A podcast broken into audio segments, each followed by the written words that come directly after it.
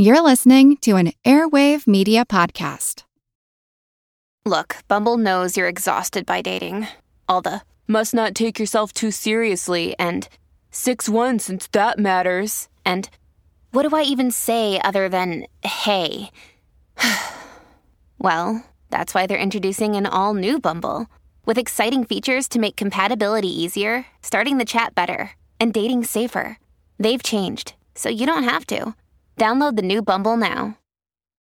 When you need mealtime inspiration, it's worth shopping Kroger, where you'll find over 30,000 mouthwatering choices that excite your inner foodie. And no matter what tasty choice you make, you'll enjoy our everyday low prices, plus extra ways to save, like digital coupons worth over $600 each week. You can also save up to $1 off per gallon at the pump with fuel points. More savings and more inspiring flavors make shopping Kroger worth it every time. Kroger, fresh for everyone. Fuel restrictions apply. This is Kick Ass News. I'm Ben Mathis. Are you moving your business to Office 365? Working in the cloud can make your life a lot easier, but getting help, well, that's another story. And that's why you should check out AppRiver. They've got the most experienced support team in the business. You'll get free US based support from folks who care about helping you and actually know how. If you're going with Office 365, go with AppRiver. Try AppRiver services free. Visit appriver.com slash kickass. That's A-P-P-River.com slash kickass. And now, enjoy the podcast.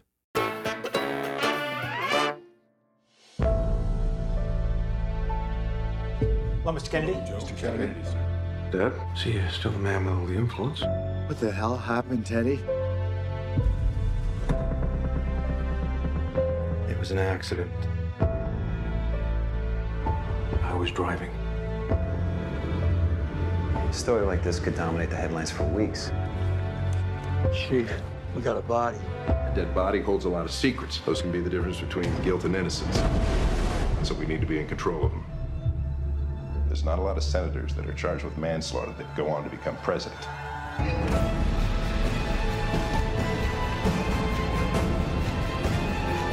This family perseveres. We have a true compass and we follow it. Five, four, three. Moses had a temper. Peter betrayed Jesus. I have Chappaquiddick. Moses had a temper, but he never left a girl at the bottom of the Red Sea. Hi, I'm Ben Mathis. Welcome to Kick Ass News. That was the trailer for Chappaquiddick, a new movie that re examines the car accident and ensuing scandal that cost a young woman her life and nearly ended the political career of a young Ted Kennedy. The events are largely seen through the eyes of Ted Kennedy's cousin, confidant, and political fixer, Joe Gargan, who struggles with Joe Kennedy and the Kennedy political machine for the soul of his idealistic but morally confused best friend a heartbreaking fight he's destined to lose. Gargan is played convincingly by Ed Helms of The Daily Show, The Office, and The Hangover trilogy in his first major dramatic role. And today, Ed comes on the podcast to talk about why the Chappaquiddick incident is an oft forgotten chapter in America's modern political history, and how making the film led him to reassess the version of Camelot he grew up with. He also reveals how the Kennedy damage control team took advantage of the moon landing to buy time, ponders Chappaquiddick's place in Ted Kennedy's larger legacy, and wonders how the scandal might have played out differently in the age of 24 hour news and social media. Ed Helms talks about working with fellow comic Jim Gaffigan on the film, bringing elements of dark comedy to the Kennedy story, and mastering that notoriously tricky Massachusetts accent.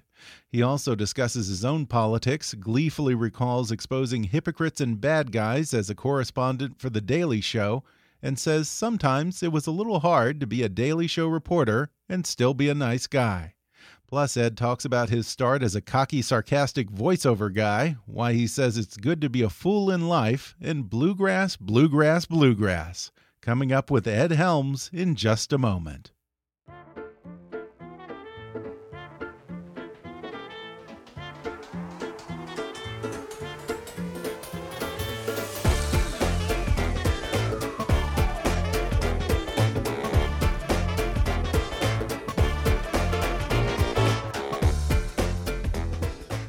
You know Ed Helms' work from The Daily Show and The Office, as well as the Hangover trilogy and other films. Now he's taking a turn toward the dramatic with his latest outing, Chappaquiddick, opening in theaters April 6th. Ed Helms, thanks for sitting down with me.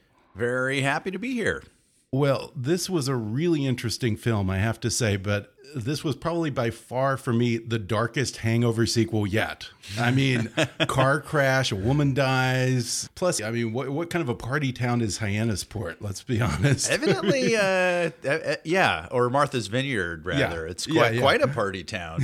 Um, and uh, no, I agree. It is a it's a dark and twisted uh, world that this movie lives in, and I, I believe me, I did my damnedest to make it funny. Yeah. Um, and it just uh, they didn't use any of my improv. I'll put it that way. um, Well, there is a certain amount of dark comedy to it. The Kennedy team are put in these situations of trying to cover up for Ted Kennedy. And at one point, he wants to publicly wear a neck brace Yes, after the accident yes. and stuff like that. Yeah, there is a there is a sort of um, th- there there is a comedic aspect to the lengths that they go to. Yeah. and just sort of how deeply uh, Ted spins out. There's something darkly funny about it, just because it's.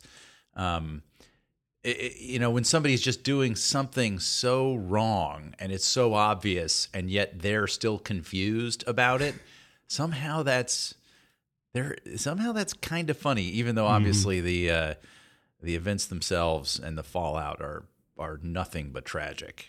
Uh, yeah, and in that sense, it sort of feels weirdly relevant to everything going on today when you talk about someone who's just completely unaware of the bad decisions they're making and the weirdness and, and how what they're doing is completely out of line with like normal basic morality. yeah yeah no you're right and and the um i don't know there, there, there's something that uh, freaks me out a little bit which is there's apparently a human capacity um to uh to to allow ourselves to be confused about things that are should be cut and dry Yeah. and I think we Yeah. all do it in certain in, in small ways throughout our lives all the time.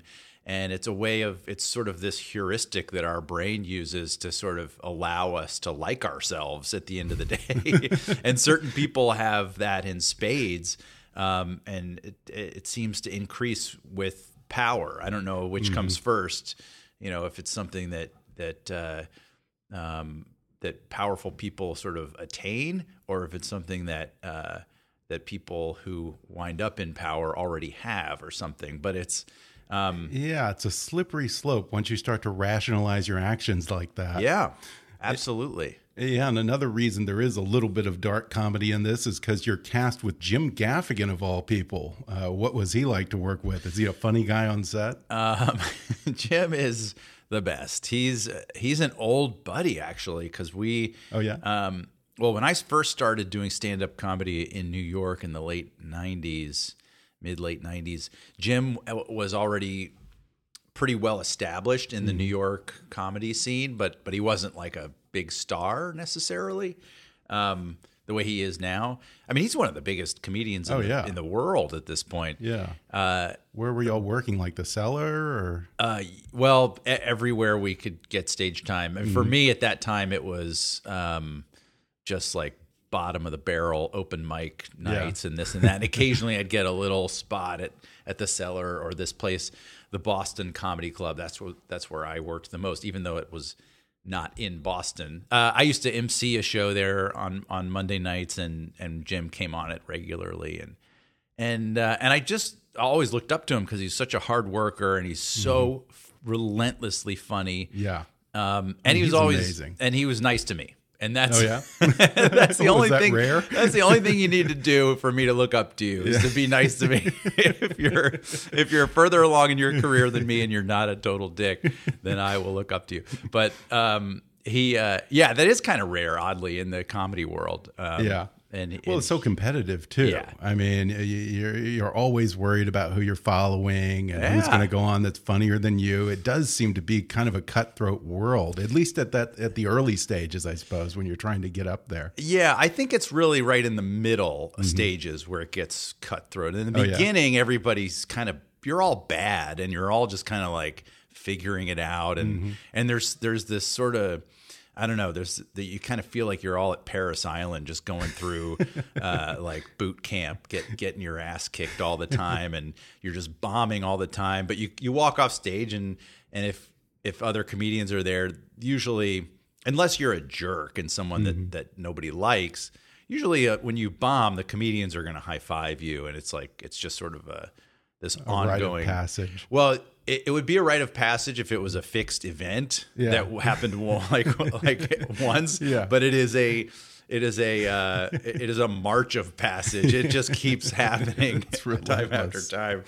Um, it's what separates the wheat from the chaff, so Yeah. to speak. Learn Yeah, it from it. thins the stick herd. together. Yeah, Yeah. and you wind up with a pretty tight clique. I had so many good friends in that world. But then when you get further along into sort of the middle tier where you're working more regularly, you're getting spots and you're getting that's where the competition really mm-hmm. kicks in. Yeah. And then once you surpass that and you're you're like a Jim Gaffigan, then everybody's just rooting for you because you're you're kicking yeah, ass. you've made you're it. doing great. Yeah, Yeah. yeah. No, that's interesting that you say all this because I never think of you as a stand-up guy. I always kind of assumed you came from an improv background. Mm, yeah. This really was both. Really? Yeah. So I, I mean, I started in stand up, and then when the Upright Citizens Brigade opened up in New York City, it just was so magnetic. It was something I just so wanted to be a part of, and Yeah. uh, so I jumped into that world. But at the time, stand up and improv really were these kind of symbiotic things. Like there were stand up shows at the UCB theater on a regular basis. Yeah, that's true. And I think in other cities Yeah. that they're more it's all it's more separated. Like in Chicago, there was almost like a rivalry between stand-ups and improv. Right.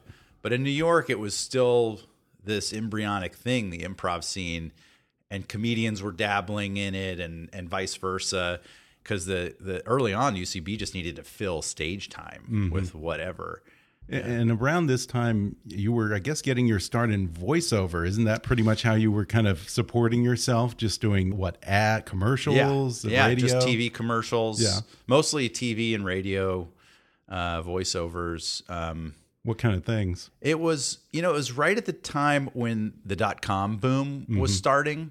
Really, the internet was kind of this. Um, it was a marketplace, but it wasn't a uh, it wasn't a place for media yet. Mhm. Matter of fact, one of my first jobs was cdnow.com. It was a website where you could go to buy discs of digital music. and uh, yeah, and it was a big, it was a big website What, where you was would go that like the the I'm the, saying the disc- new version No, of uh. Columbia House or something? Were Or com- it was CDs, compact discs. yeah, yeah. uh, which which ironically is digital music in a hard format. Right. Yeah, it was They like a Columbia they didn't House manage thing. to pivot, huh? Like Yes. Netflix did. exactly. It was uh, that's exactly the right analogy. It was sort of like a Columbia House Mhm. thing. What are what are some of the other commercials you did back then? Uh, I did so many. I, I was the I was the voice of Burger King for mm, a- while for a good uh, maybe a year or so. Um, which just Really? means yeah. Like, and what, you don't what would that be? You're, you're not the voice of the king. You're, you're No, no, like no, no. just, No, I was just you know the- we I- have a special this week. Yeah, you know, so- six chicken nuggets or whatever. exactly. It's funny Yeah. because John Goodman at the time was like the the sort of celebrity voice of Burger King. Uh-huh. So he he sort of tagged all the commercials, but I was the voice in the commercials that literally just said like two whoppers for 99 cents. you know, uh, or whatever whatever it was that week. Did you have a thing where you like the sarcastic guy or the in a world where guy? Like, what was your personality as a VO guy? I, I a little I did have a little bit of a thing, and it was just kind of um, it, this was uh, very much in vogue at the time. Was was the very dry read like, um, "Hey, how's it going? You want to get this product? it's going to be really good. You should buy it." You know, like that. That sort of It sounds like the ShamWow guy kind of. it's a little bit like Nicholson in, in five Yeah. easy pieces or something. Yeah, it's, uh, like yeah, I'm. This product is way too cool for you, but Yeah. we'll let you buy it if you really want to. Exactly. and that was a trend. I mean, every commercial you'd see on TV had that car commercials, credit Yeah. card commercials, um, fast food commercials. And I, I just did a million. I mean, it was, if I'm honest, I was incredibly lucky to have been um, to have the voice uh, of the zeitgeist at the Yeah. time, like Yeah. the to be the right age, to my Yeah. voice have having matured in exactly the right way, Yeah. and to have the kind of improv chops to interpret scripts the way I could tell they wanted to be. It was the snarky Gen. What what would that be? Gen X, Yeah, Gen, Gen X. Y type Yeah, generation. Yeah. exactly. now you went to school at uh, Oberlin College, right? Mhm. Did, did you study acting there, or how did all that begin? Um, I, I did. I took some acting classes, and I was in some plays there. Um, but I was really in, interested in film, Mhm. filmmaking. Really? Yeah, that was sort of um, that was really what I I pursued there and and majored in. And then uh, when I moved to New York, my first job was um, doing uh, tech support for Avid editing systems. oh, okay. So you were working in production. Yeah, and and I Post. and I and I learned the Avid systems really well, and that's when I got hired as an assistant editor. Coming off of that, in a commercial post house, and that's Yeah. where I that's where I was just sort of immersed in TV Yeah, commercials. that's going And- back to Avid. Oh, yeah. I mean, I remember Yeah. that from before I even went to film school, like communications. It's Yeah. like you got to learn Avid. If Yeah. you want to get in the business, you got to know Avid. yeah, and it was pretty fresh at the time. Yeah. like it wasn't digital editing was kind of a new thing. Yeah, getting that assistant editing Okay. job was what sort of Yeah. got me into the commercial world, and that's where Mhm. I got. That's where I really honed Okay. the voiceover skills and Now, how did you get the Daily Show? Were you a fan of the show before you auditioned for it, or how did yeah. that come about? Yeah, I, I actually was like a, a super fan of Yeah. the show, um, Okay. which So you was came in prepared. Totally. That that having watched the show so much and and uh, I just knew the rhythm of it, and when I got the audition. At that time, I'd been doing enough stand up and improv stuff around in New York that um, for a bunch of years, and I was on Comedy Central's radar already. Mhm. So they got me in for this audition, and it was a huge audition. It was like a big cattle call. But what's funny is in the audition, they just gave me a script f- that Stephen Colbert had done on the show maybe two weeks before. And Oh, I had obviously seen it. So I knew So you knew exactly how they wanted to hear it and how Stephen had done it. And so I just kind of like, uh, I mean, I think everyone who's, who gets on that show, it's an open secret. You Yeah. just do, you start out doing a Colbert impression. Like you start out just tor- sort of mimicking Colbert and, and being as derivative as possible because he's sort of like, he set the tone of what a correspondent should be. Was this around the time that he left the show? No, it Oh, was. okay. He this was still well on it at the before. time. Yeah. Okay. Yeah. So he, so Stephen and I overlapped, um, a good three, four Mm-hmm. years. Yeah. I had the guy who wrote the book on the Daily Show on a while back, and he said that the field teams used to be like the gonzo journalists or pseudo journalists who were allowed to get away with murder and do all kinds of crazy things or crazier things than you could get away with in studio. Was it like that when you were on the Daily Show, or had that era kind of passed? Had had, had it become a little more institutional by that point? I don't know. I mean, I think it was pretty wild westy when I Oh, yeah? got there. Um, uh, it there were still there was still maybe a uh, 50 50 percent chance that that your interview subject would know the Daily Show. Um, over the course of my time Okay. there, it became ninety percent that Yeah. they would know the show. But there were Um, still initially people who you could catch them, you could get well, who just They- thought they that, just that they didn't were know what the yeah they were just was. doing a, a news interview or Okay. whatever. But it, it it didn't matter if they knew the show or not. Yeah. It really didn't affect how easy or hard it was to to hoist them on their own petard, so to speak. I love that term, hoist on. I, I, I- I've heard it over the years so many times, and finally, probably a year or so ago, I looked it up because I was assuming Me it was too. a naval term. I, I I read it's something like a bomb or something. Oh. But I yeah, I remember reading it and being like, okay, that makes no sense to me. Yeah, I always thought it was like a navy thing. Uh, Yeah, it's Yeah. hoisting. I mean, that's uh, all, all you do in the Navy is hoist stuff. Yeah. Now you seem like a really nice guy. You often play nice guys on TV and in movies. Um, was it hard to be a nice guy and still play this game with the people you're interviewing and sort of set them up to dig their own hole or hoist themselves on their own petard? Um, yes. The short answer is yes, absolutely. Um, there were a few times that I just didn't Mm-hmm. always feel at peace with it. And I still look back. I mean, there's still a few segments where I'm like, eh, that feels that just feels icky. like I just kind of, Yeah. But but I also was just sort of intoxicated by this opportunity and what Mhm. everything that was going on, and the times when you felt like you were really uh, kind of getting somebody who was a bad guy Yeah, or a bad person, it. like someone who someone who really needed to be raked over the coals for some reason, Yeah. Um, or just had a really toxic Mhm. uh, point of view.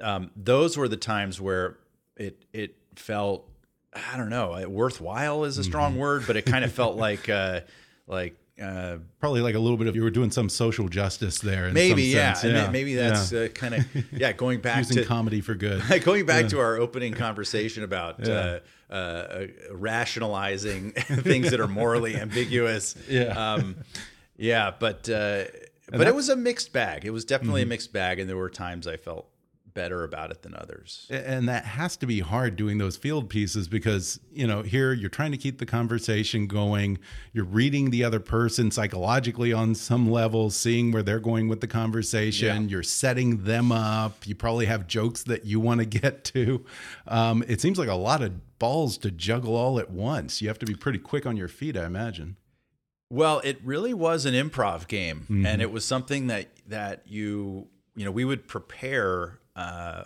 r- relentlessly for those interviews. So when we would sit down with somebody, um, we'd have our list of questions, but you also have where the improv comes in is when you see an opening Mhm. or you see because very rarely Yeah. would would a joke you know uh, we approached it the way a lawyer approaches a um, a litigation in court. You don't ask questions you don't know the answers to. So so you so the the producer does a pre-interview with the subject and gets their point of view and all this, and then we Okay. we would sort of craft questions knowing their point of view and what we thought they would say, and oftentimes they would sort of uh, do do it the way we expected, but it may not be as funny as we thought, or they may have a more nuanced answer that doesn't work, or like you know, or maybe they were actually uh, onto it in some Yeah. way and thwarted it.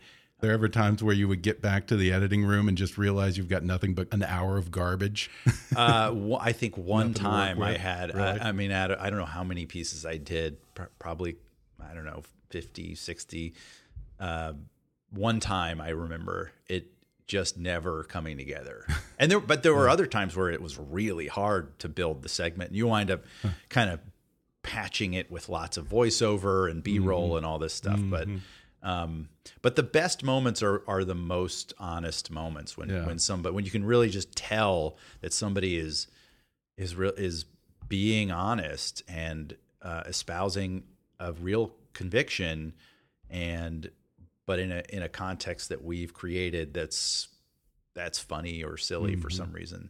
Um, I always loved to me like this the really silly stuff was my favorite. You know, the stuff Yeah. that was more that wasn't as um, that wasn't as uh, as much as a commentary maybe I mean, yeah, it was just it was a more over the vic- top. more victimless, I, I should say. Right, Like, yeah, and yeah. I and I really think that Steve Carell's legacy on the show was that. Like he Yeah. he sort of paved that path. Mm-hmm.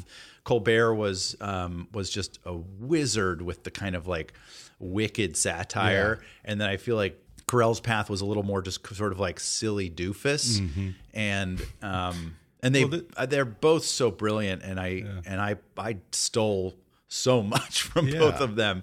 Um, it's also what you did with this recent special. Uh, what was it the fake news with Oh, Ted yeah. with Ted Nelms? Yeah.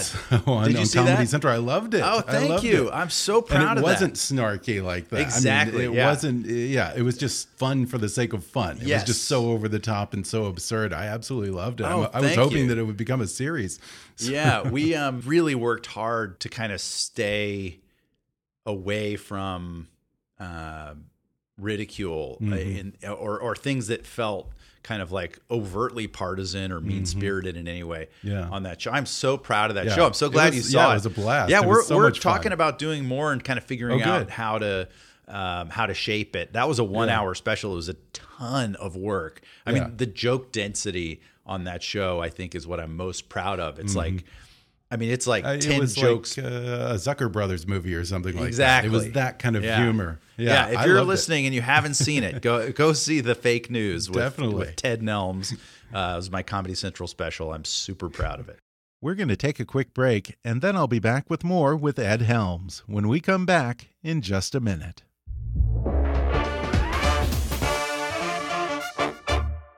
Hey, folks, I recently had a very big milestone in my life. A few weeks ago, I decided to propose to my girlfriend, and when I did, I turned to adiamor.com for the perfect engagement ring. I shopped around for a month or two, looked online and in person, and no one beat adiamor.com for the best price and the very best quality.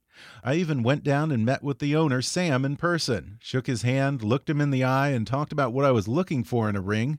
He's a straight shooter, Sam, and I don't think I've ever met anyone who knows more about diamonds. He should, because his family's been in the jewelry business since 1950. Eventually, I decided on a stunning 3 carat oval stone in a beautiful 3 stone trillion setting, and my new fiance couldn't be happier. Visit adiamor.com slash kick and browse their huge selection of diamonds to choose from. You can go on their site and try different diamonds with different settings until you come up with the perfect ring for you or the woman you love. All of Adiamor's diamonds are GIA certified, and their rings have a lifetime guarantee against material defects. Plus, Adiamor even gives you 30 days to evaluate the deal and make sure that you're 100% happy with your purchase. That's because the folks at Adiamor know that once you find a jeweler you can trust, you've got a jeweler for life and you'll keep coming back year after year. But hey, don't take it from me. Take a look at the reviews on Yelp and do yourself a favor. If you're shopping for an engagement ring or a gift, even if you think you're going to buy from another dealer, before you make that big decision, you owe it to yourself to click on adiamor.com slash kick, look at their selection and compare. That's adiamor.com slash kick. A-D-I-A-M-O-R dot com slash kick. Their quality and prices speak for themselves, and my fiance and I couldn't be happier. And now, back to the podcast. I feel like I don't see you as a super political guy. I don't recall you, you know, hate tweeting about the omnibus spending bill or DACA, you know, Yeah. on Twitter every morning or something like that. It, it just doesn't seem like your style. Do you consider yourself as very political? Well, I am very uh, much a news junkie. Mhm. Um, I consume lots of news, and uh, and I do have strong opinions about a lot of things. Um, I'm a little more of a sort of conciliatory personality, I guess. Mhm. But um, if you root through my Twitter or Facebook, you'll find a few kind of outbursts here and there um, that betray uh, Yeah. uh, some political dispositions. But Mhm. um, but I generally I try to just be accepting and open minded, and I really I want the benefit of the doubt from the world, and so I try to give Mm-hmm. the world the benefit of the doubt, and I try to give even people that I disagree with or think are um, are horrific on the Mm-hmm. surface. Um, I, I try to look for the humanity there. Why is someone doing this? Why are they behaving Mm-hmm. Yeah. this way?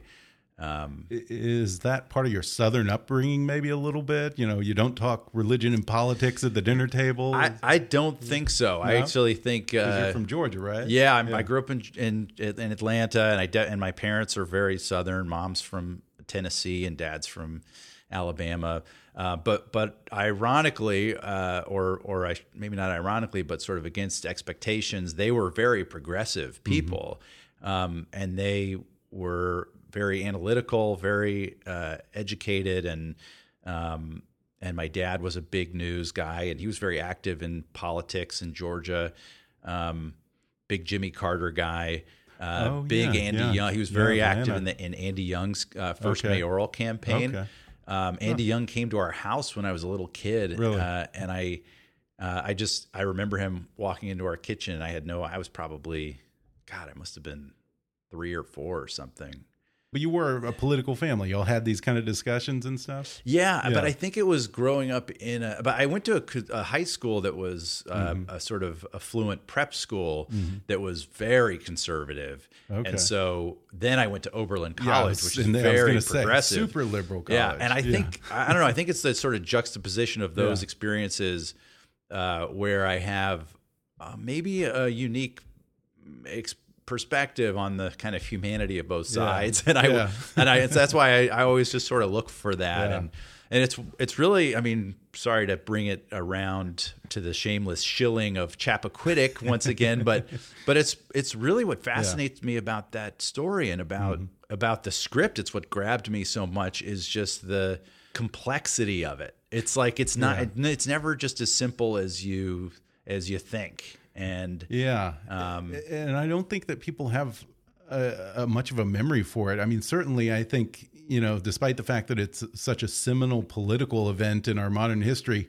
If you ask the average millennial about Chappaquiddick, you'd probably get a blank stare from probably nine out of ten of them. Did you have much of a reference for Chappaquiddick coming I on? did. I, I don't know why. Really? Maybe it's because my my parents were big Kennedy fans, and Mm-hmm. um, and I grew up just sort of in with a with a reverence for the Kennedy name and the Kennedy legacy. And I think uh, doing this movie for me was a little bit of um, a, a way to reconcile that because it's, Okay. it's a way to it was a way for me to say like, well, maybe my reverence for the Kennedys is a little bit uh, steeped in mythology, and I Mhm. should take a more uh, just a more honest look at this and um, can I still uh, appreciate Teddy Kennedy's legacy despite this this like horrible thing that he did? Yeah. and uh, and then you the more you dig Yeah, into the how do you Kennedys as a family. that? By the way, the Mhm. whole Kennedy family is Oh. just steeped in like some pretty grotesque stuff. But yeah,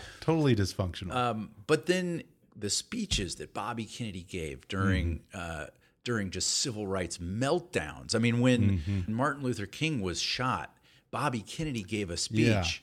Uh, it, it- like off the cuff, standing on a flatbed trailer in a black neighborhood in uh, Indianapolis, I think. Uh, yeah, I think you're right. Um, yeah, it was a it was just a brilliant moment, and Yeah. it's something that's sort of unimpeachable. Now I sort of look at it as well. I do appreciate the great things that the Kennedys did and stood for, and I Mm-hmm. And I don't the apologize impact for is that. still there, despite Yeah. the personalities involved. And or despite some sort of behind the scenes machinations which are Mhm. maybe horrible and i and when i think of it that way that's when i can that's when i look at a trump supporter and i'm like well i guess that's how they see Yeah. donald trump it's like they they can accept all these this sort of like reprehensible behavior Yeah. that's that bubbles up because they see an outward public value system that they identify with Mhm. and that that he voices and and as long as he sort of pushes the right policies and does the right things a trump supporter is going to sort of have his back Mhm. and um Yeah. and that's a weird thing I, I just think we're all so eager to find to point to what's flawed about our the opposition we just uh, venerate our own teams to a ridiculous level. And uh, and it's important to for everyone to just say you know what? The people that we admire they're kind of fucked up sometimes but they're still capable of Yeah. doing great things.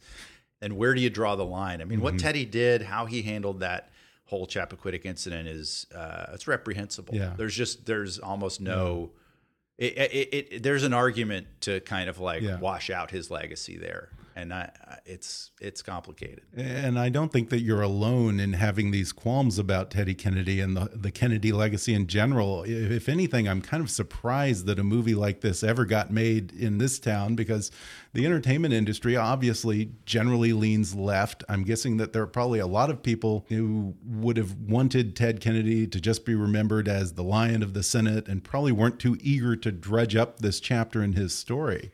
It can't have been an easy film to get made, I imagine. I, I don't know about that. I mean, I think you're right that that um, that no one wants to, or that that people who uh, are Kennedy fans um, aren't excited to see the any aspect of that legacy besmirched. But there's so much I think two things. A lot of time has passed for one. Right. And I think he's that no longer alive. he's- I don't no think it would have gotten made if he were still around. And a lot of a lot of the um, darker sides of Camelot as a whole. Um, I mean, Joseph Kennedy, their father, Mm-hmm. Yeah. was uh, was akin to a mob boss in many ways, and Yeah. it's like that's all on the record now. It's out there. I just Yeah. don't think any. I, I didn't get a sense that people were too precious about it. I- and even as a like I said, I mean, I'm someone who grew up with a with a real affinity for the Kennedy name, um, and for reasons I can't even point to. I, I don't even know why, but I just even still, I this script was exciting to me because um, because it unravels mythology, and I I support that.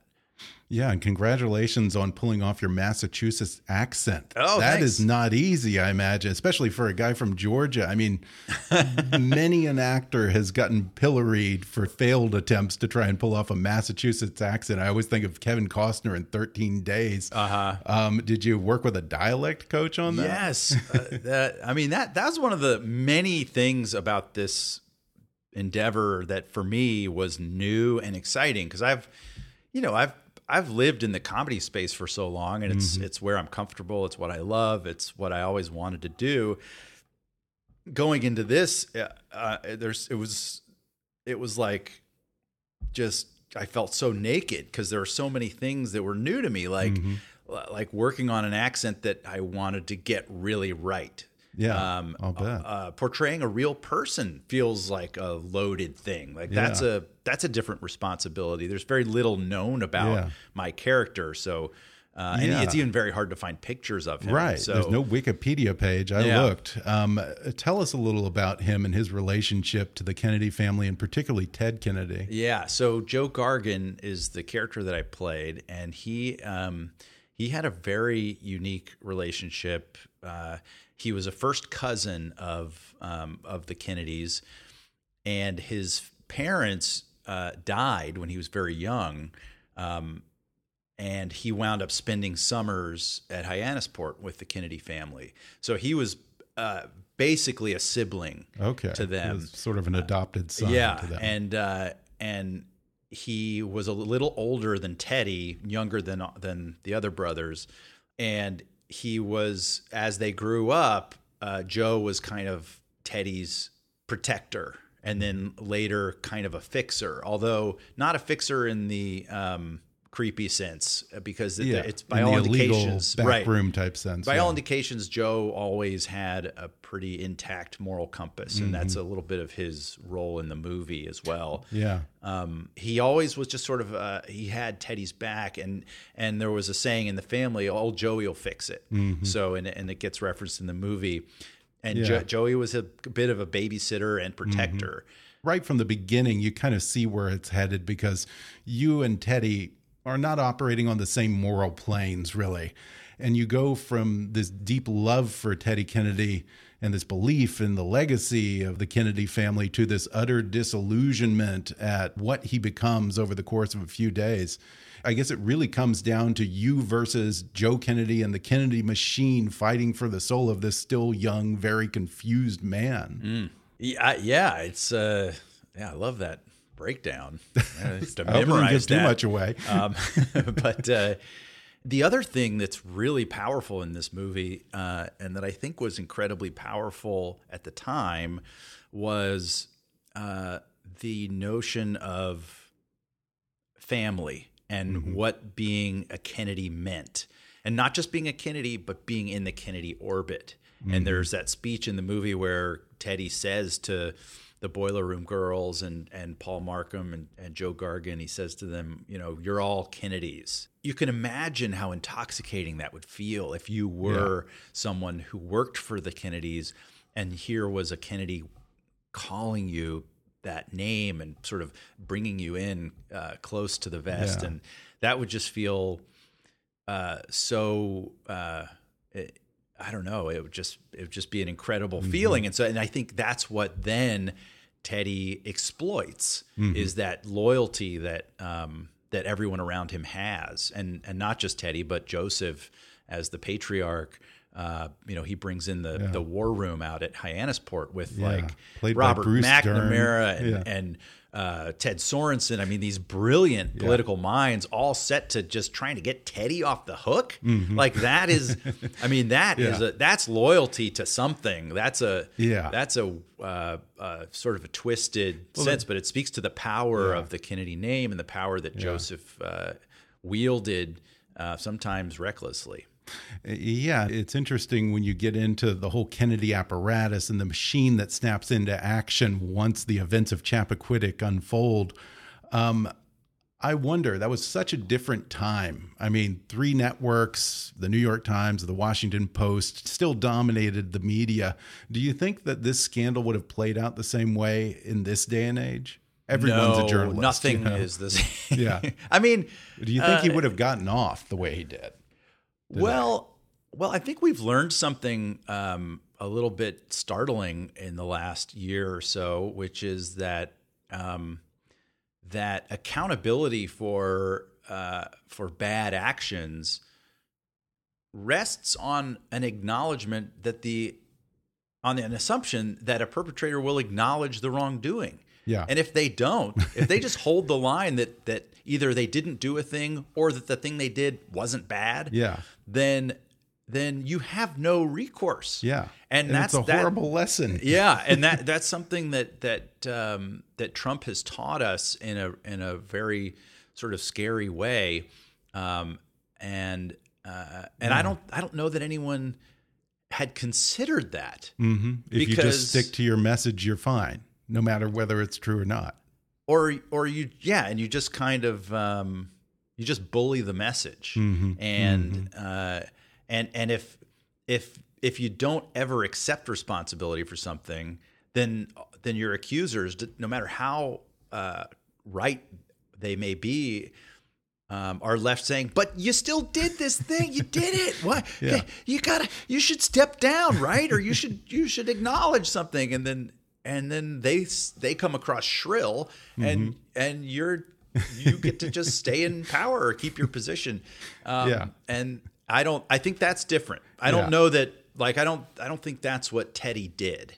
Um, and Interesting. uh, that said, um, the biggest difference would be just the news cycle and the the social media aspect Mm-hmm. Yeah. Because this got bumped off of the front pages for a while because it was the same day as the moon landing, right? So they, they were Yeah. kind of counting on that to turn the page on this story before Yeah. it was over.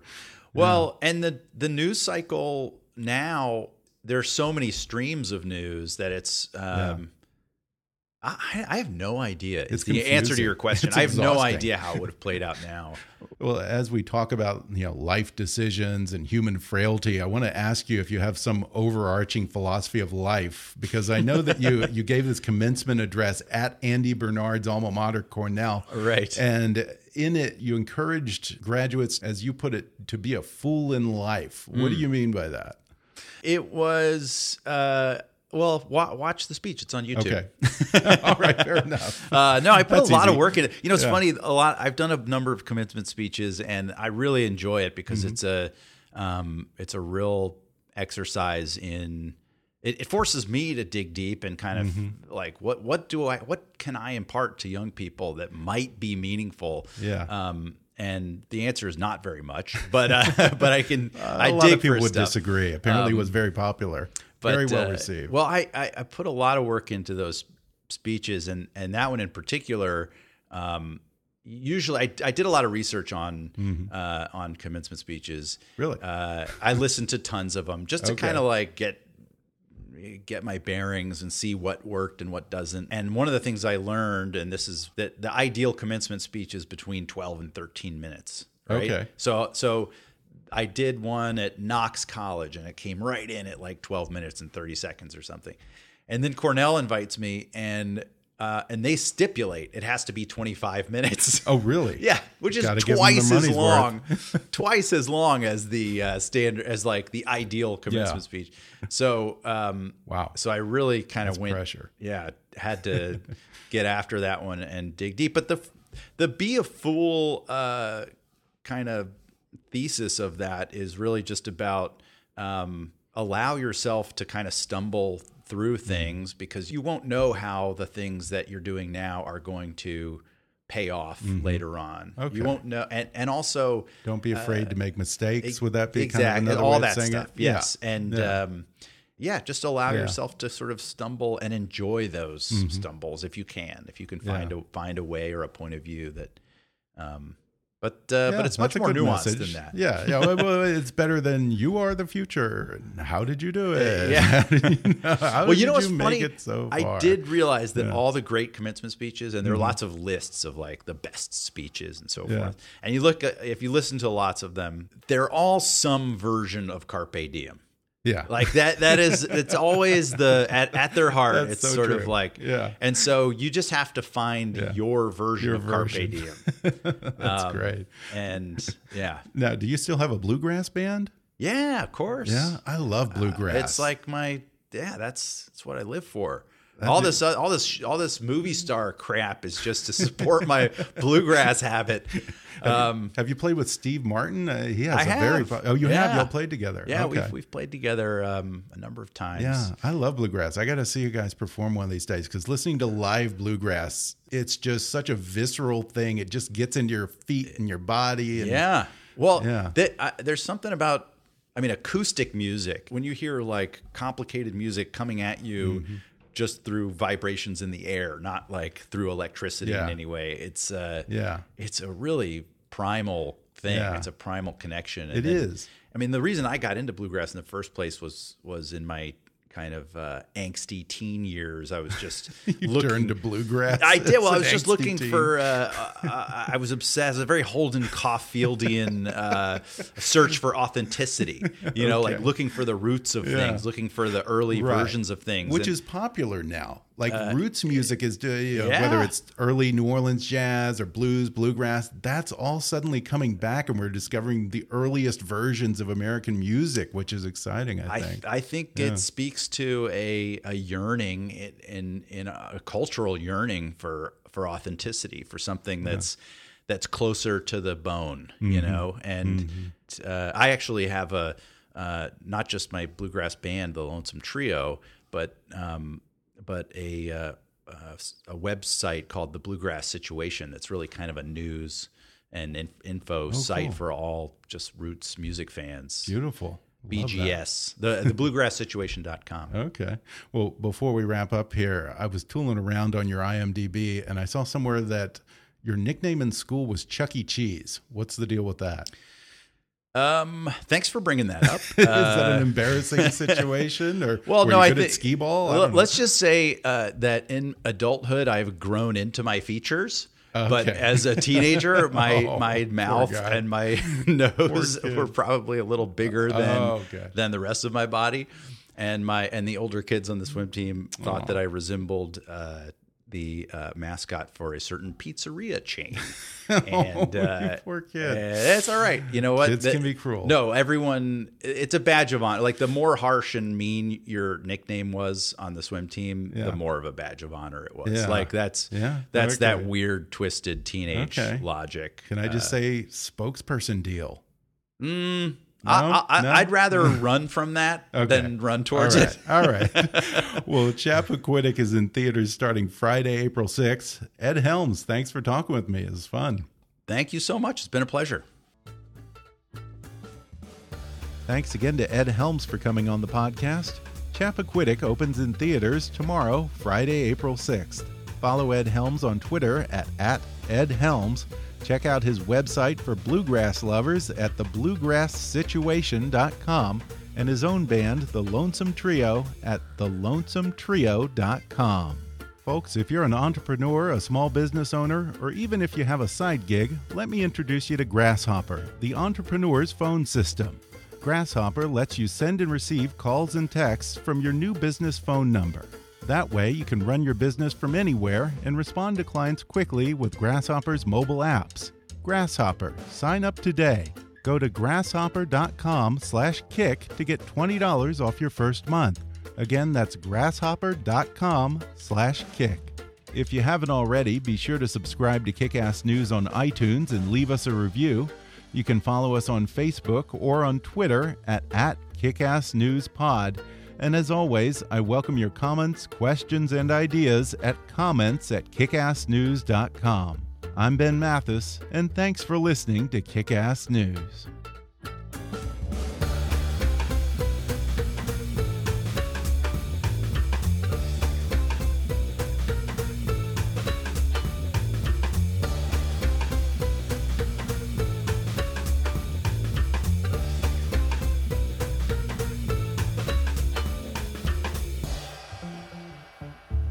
Kickass News is a trademark of Mathis Entertainment, Inc.